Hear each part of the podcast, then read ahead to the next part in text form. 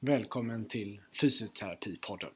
Sveriges absolut coolaste podd om fysioterapi. Det är jag, Kalle, som har den här podden tillsammans med min vän och kollega Viktor. Och idag har vi del två av avsnittet med Per att bjuda på. Så jag äh, väntar inte längre utan säger bara Dags för Per Säljaren. Och förresten, kom ihåg att följa oss i sociala medier. Mm. Sen eh, bestämde du eh, som sagt när du hamnade på det lilla, lilla företaget eh, att gå över som säljare istället. Ja. ja. Och vad var det som lockade med det? Ja, men det var den utmaningen att eh, min arbetsinsats kan påverka min lön till en viss del. Och så har jag en, eh, en god vän som jobbar eh, med implantatsidan. Han gick ett år efter mig på utbildningen och så, så han har jobbat kliniskt som sjukgymnast innan också. Och har gjort den här resan. Eh, och det var han som rekommenderade mig att söka det här företaget eh, Genova som jag jobbar på nu. Eh, så att jag vet ju att, att det är en ganska så sund bransch. Bättre än vad jag trodde eh, från början och därför vågade jag söka. Och sen när jag sökte så märkte jag att okej, okay, det här var faktiskt lite bättre än vad jag trodde. Eh, för helt plötsligt så hade jag en chef som sa att, att relationerna och förtroende eh, är det viktigaste vi har. Eh, så att man har en, en eh, jag tror att alla företag generellt har en ganska så bra grundlön. För ingen säljare ska åka runt och, och jaga sälj, det går inte. Och, och tappar man ett sjukhus eller så som kund då är man inte välkommen tillbaka dit på kanske 5, 10, säg 15 år om samma person jobbar kvar som man har stött sig med. Då. Eh, så förtroende är, väldigt viktigt och långsiktiga relationer. Så jag kan ju inte heller, jag kan inte stå och ljuga. Jag kan inte ta med mig något och säga att den här kommer att lösa alla era patienters problem. Det är den bästa! Ja. Den bästa som finns. Den enda ni kan använda i princip. Ja, nej men det går ju inte. Så det, jag skulle inte kunna sitta här och, och liksom marknadsföra våra produkter och säga att våra grejer är de bästa i branschen.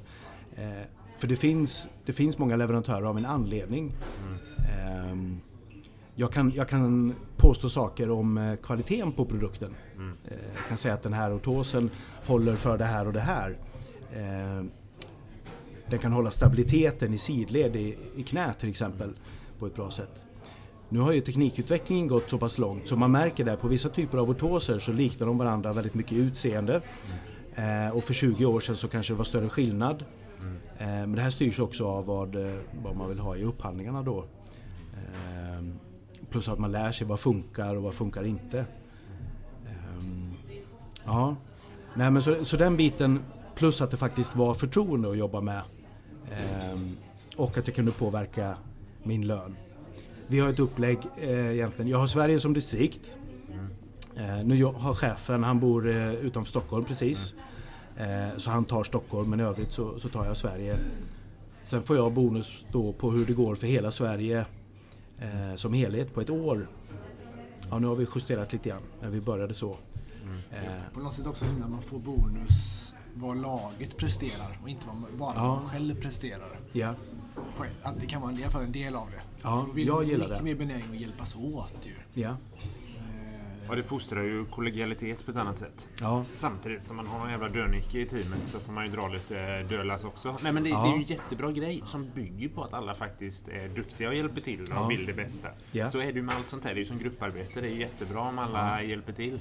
Men alla har vi stått där och liksom dragit någon efter oss.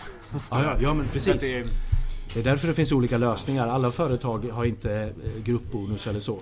Men ungefär hur man tänker procentuellt grundlön, bonus av det du får ut på ett år med liksom årliga bonusen eller sådär. Hur stor del av den inkomsten är från grundlönen och hur stor del är från bonusen? Alltså är det 95-5, 90-10, 75-25? Bara... Ja precis, alltså någonstans 90-10 är fingertoppskänslan som jag ja. får nu. Så ändå en ganska avsevärd stor del är grundlönen liksom. Ja. ja. Måste ge en, alltså just som säljare, som du säger, man ska inte ja, som jämför med telefonförsäljarna som ringer stup i kvarten. Ja. Som har bara bonus. Ja, ja det är har bara provision. Ja. Där är 10,90. Ja. ja, men precis. Ja. Därför det här tänker jag är sånt som en fördom många har. Eh, jag visste ju inte innan vi pratade nu, men jag mm. hade nog inbillat mig att det, visst, den här typen av säljbransch kanske var lite, lite större andel grundlön än många säljbranscher, men jag ja. tror nog ändå att det var mer åt 60, 40, 70, 30 hållet. Ja. Jag tror det är en fördom många har att det är, det är mycket jaga sälj. Eller ja. liksom så. Men det skiljer sig åt lite grann mellan de olika. Inom medicinteknik finns det ju många olika grenar. Eh, och implantatbranschen om man säger, de, eh, det är ju generellt sett större pengar eh, som helhet. Och här finns det ju multinationella bolag. Eh, så där är ju i regel bonusarna högre, grundlönen är kanske lite högre också. Men där skulle jag tro att andelen bonus är, är lite högre eh, än vad vi har i ortosbranschen. Så det skiljer sig åt på det sättet. Men det är samma grundtanke. Man ska ha tillräckligt hög grundlön för att man inte ska behöva jaga sälj. Jag vet det. Det är väl det som säljer också till slut, att, att man har bra relationer. Ja, precis. Det är det som säljer till slut också, även om det är inte här och nu, utan det är på lång sikt. Ja. Hur ser en vanlig dag som säljare ut då? Det är ganska blandat, ja. eh, vilket är roligt. Mm. Eh, men det är allting, allting från att man åker på eh, olika mässor, eh, till exempel SOF, Ortopediföreningens årliga kongress. Där brukar det vara många utställare med. Så att då ska man eh, packa inför, välja vilka typer av ortoser som kan vara relevanta för just den kongressen. Eh, sen blir det ju ganska mycket köra bil, det får man ju säga. Eh, ja, den biten eh, den, den, fungerar väldigt bra så men det är ju mycket diskussioner också nu med tanke på miljöaspekter och så.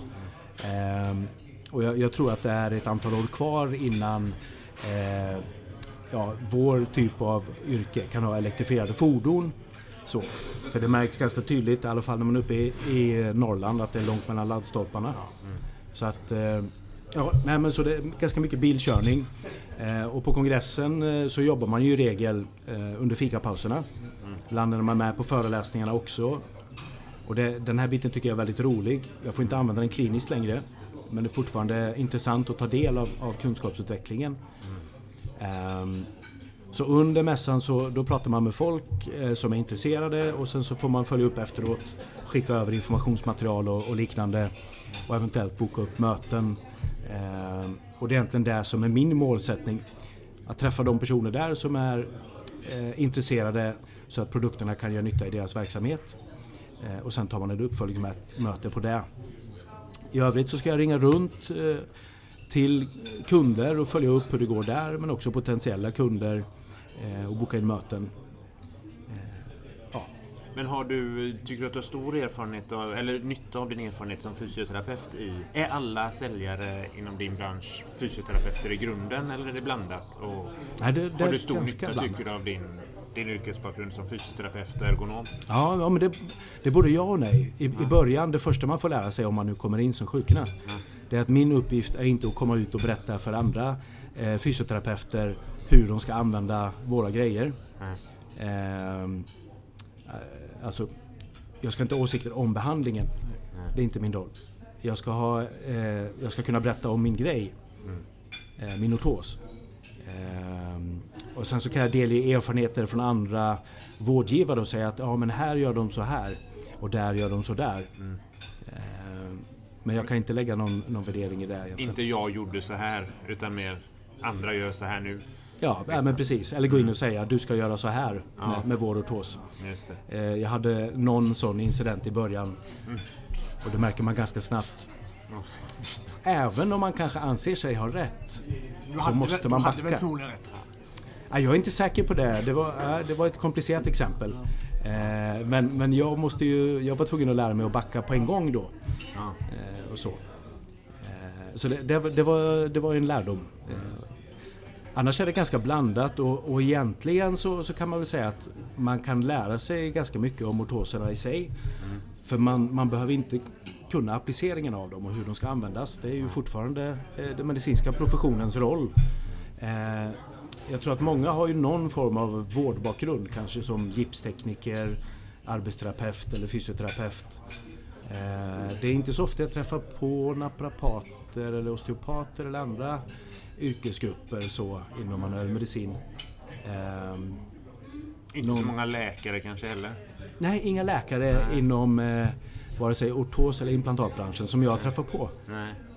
Det är väl säkert det här med jakten på en rimlig löneutveckling. Ja. Att den har läkaren inom sitt eget skrå. Ja. de behöver inte branscha ut lika mycket som vi. Som fysioterapeut så är det ju ja, alldeles, alldeles för dåligt. Så det är klart ja. att när man finns en liten gren där det faktiskt finns det så blir det högre tryck på den. Ja. Från fysioterapeut eller arbetsterapeut. Det är väl ännu värre för den delen. Ja, det är det. Så. Plus arbetsmiljö, det, det, måste jag lägga till.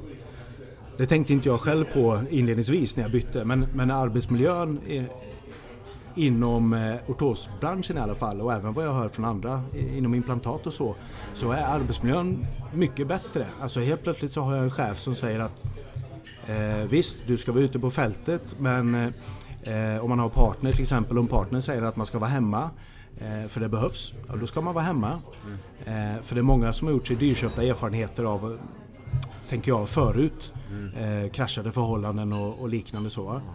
Mm. och det här blir så pass påtagligt för en säljare som inte mår bra är inte bra ute hos kunderna heller. Eh, och, och, jag har aldrig haft någon chef, vare sig inom företagshälsan eller eh, kliniskt, eh, som har sagt till mig att Per, du behöver nog gå hem och vara lite hemma. Nej. Eller så.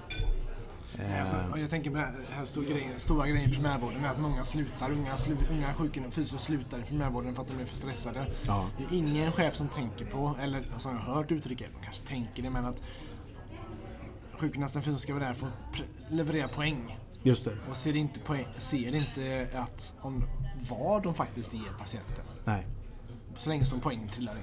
Nej, precis. Men om, om fysion mår bra så blir vården god och då kommer poängen automatiskt. Ja. Så det är stor skillnad. Jag har inte hört någon säga det heller faktiskt. Nej. I primärvården. Jag tänker också att man ses som väldigt mycket mer utbytbar inom till exempel primärvården. Ja. Slutar någon med långtidssjukskriven så är det bara in, ut med annons, in ja. med en ny. Ja. Även om det är svårare idag så är det fortfarande väldigt mycket mer så. Här tänker ja. jag, skulle du säga upp det idag så är det inte så att ja, men ut med annons så kommer vi in någon som på tre veckors upplärning gör vad Per gjorde. Nej. Utan en mycket mer det är specialistkompetens men också inkörning på yrket och, ja. och så vidare som gör att det, man är mycket mindre utbytbar. Och vetskapen ja. om det är stor, vilket också ja, gör att man har incitament att faktiskt ta hand om... Det har man ju på en rent mänsklig nivå ändå, kan jag tycka.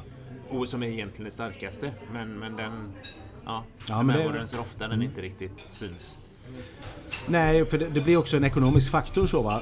Om jag skulle säga upp mig nu Eh, det skulle inte vara någon katastrof för jag är också utbytbar i, i den positionen jag har nu. Men under en period så skulle det eh, bli ett tapp för, för företaget. Eh, och sen får man in någon ny. Så att det är mycket mer tydligt att, att om man håller personalen nöjd på ett bra sätt, det är ju förtroende åt bägge håll i det här fallet. Men då kommer de att göra ett bättre jobb och det märks också i, i lönsamheten på företaget. Och så är det ju inte i primärvården. Det, Ja, det styrs ju naturligtvis inte på samma sätt. Och också man får ju en, som arbetsgivare en lojalitet från sina anställda på ett helt annat sätt. Ja. Om man tar hand om dem väl. Ja, verkligen. Det kan ju säga att mina tio år i VG-regionen var ju inte, min lojalitet var ju typ noll och ingen eftersom det var så tydligt i alla policies. Att, ja. äh, vi får inte lönekonkurrera mellan för vi är samma arbetsgivare. Så byter du från ett sjukhus till ett annat får du inte lönekonkurrera. Nej, precis. Ja, men då tar jag med min flex. Nej, nej, nej. nej. Det är en annan arbetsgivare nu. Så Just då inte, alltså, en pyttesak, men det är så jävla tydligt att de skiter i en. Ja. Det är bara liksom, du är en kugge bland en jävla massa. Precis. Och gör lite vad du vill. Det... Ja, men det, jag tycker det finns en viktig skillnad där. Att det är helt okej okay för mig att vara en kugge i ett stort maskineri. Men jag vill inte känna mig som en kugge i ett stort maskineri. Nej. Det tycker jag är den stora skillnaden. Mm. Jag vet att jag är utbytbar, utbytbar nu, men jag, jag känner mig värdefull där jag är. Ja, det är sant. Det är, för, precis, för så kan det ju vara. Att man är utbytbar. Det är, alltså, ja. så på något sätt är det klart att alla är det. För det är inte så att många verksamheter totalt stoppar för att den anställd... Men som du säger, man, man behöver ju inte säga det till folk med sina handlingar varje dag. Nej, tvärtom. Du är utbytbar. Nej. Bara så du vet det. Precis. liksom. Kommer du kaxar upp dig så liksom, bara så du vet. Det, det finns många som väntar på att ta din plats. Det är ju inte... Ja, nej. bli glada för din plats, ja. tror de. Ja, precis. Nej men jag måste... Det är en, en händelse där jag märkte att, att, eh, eh, att chefen verkligen är, bra på att hantera människor. Mm. Inte minst mig då. Det var eh, under pandemin när jag, som så många andra säkert, var lite trött. Jag kunde inte göra så mycket av det jag tycker är roligt. Vara ute och träffa folk. eh, och hjälpa till med patienter och annat. Eh, så var det lite företag som, som sökte, eh, Eh, var ute och sökte folk.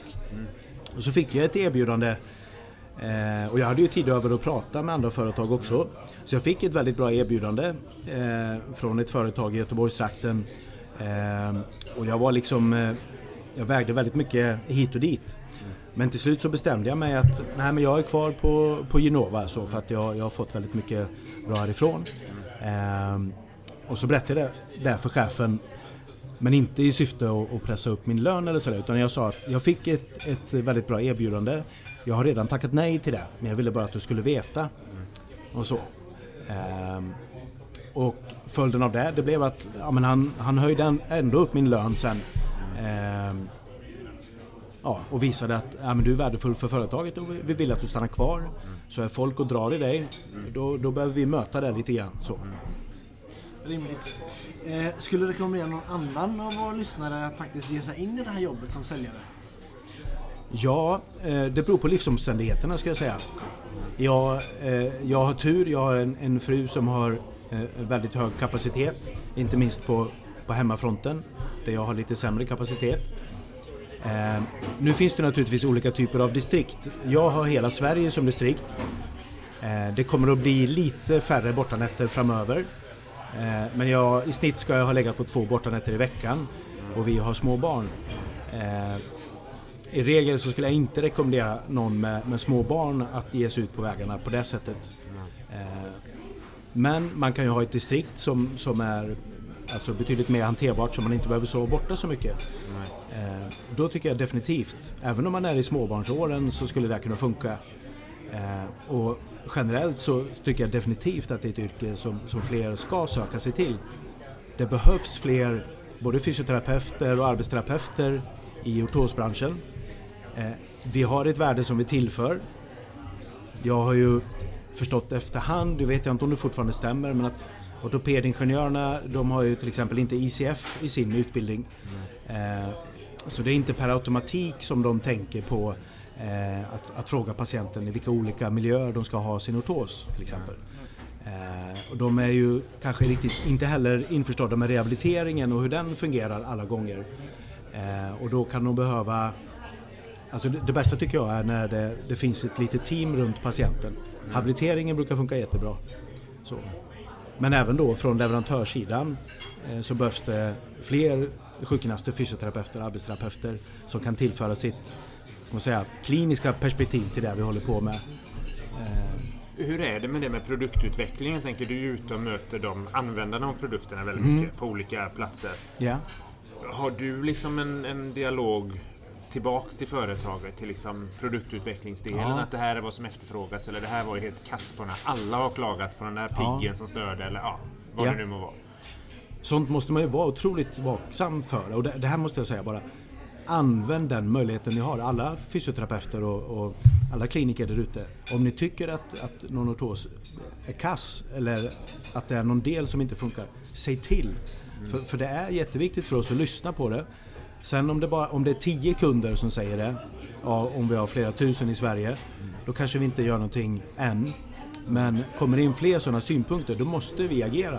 Annars så kommer vi inte att kunna sälja den ortosen längre. Ehm, så var, var det... Ja, nej, men då, är det, då har du en dialog. Jag tänker beroende på hur stort företaget ja, jag tänker mm. att det kan vara väldigt långa avstånd mellan den som är säljare ute och den som sitter på ja. ja men produktutvecklingsavdelningen. Just det. Nu vi, är ju återförsäljare i det allra mesta ska jag säga. Mm. Så det innebär att eh, vi har ingen egen produktion. Mm. Vi har några eh, produkter som, som chefen eh, har produktutvecklat. Ja. Eh, så de styr han då. Men det, det, är från hans kompetens som han har byggt upp. Mm. Men i övrigt så då återför vi synpunkterna då till ja, till exempel Albrecht i, i Tyskland eh, som gör ganska många av våra ortoser. Eh, sen är det ju så att här märks det ju vilken roll Sverige har i världen. Ja. Sverige är en pytteliten marknad eh, på en jättestor spelplan. Ja. Eh, I Tyskland så har man ju till exempel i eh, sjukförsäkringen, eller vad heter det, den allmänna eh, sjukförsäkringen så att säga, så, så ingår det ortoser. Mm. Eh, och det innebär att reglerna för vilka ortoser de tar in i sjukförsäkringen styr hur företagen producerar sina ortoser. Ja, just det. Eh, så, så ofta så finns det lite sådana här ja, men som med blindtarmen lite grann. Nu kanske den har fler funktioner än vad man visste för 20 år sedan. Mm. Men eh, det finns lite sådana appendixar på ortoserna som man inte vet varför eh, de finns där. Nej. Men det är helt enkelt för att de är producerade för krav från ett annat land då. På tal om det vi började prata om med, stödet från staten och företagshälsovården. Att, att statliga krav, önskemål och så vidare kan mm. styra liksom, hur marknaden ser ut till väldigt stor del. Absolut. Även om det i det här fallet blir ja. annan, ett annat lands eh, stat och ledning ja. som styr hur marknaden i Sverige på visst mån ser ut genom vilka produkter som, ja. som kommer. Men här, jag måste ta med det också för jag tycker det knyter ihop en del både av ergonomi, arbetsmiljö, eh, ortoser och, och, och miljö Eh, för här är ju upphandlingarna extremt viktiga hur de utformas. Och här finns det väldigt mycket för regionerna att lära sig om hur man gör bra upphandlingar. Eh, nu hörde jag att Stockholmsregionen till exempel, de fick dra tillbaka sin upphandling på Doser. Eh, för hela branschen sa att den här, eh, eh, den här är för dålig helt enkelt. Vi tänker inte skicka in något. Så nu är de avtalslösa i några månader.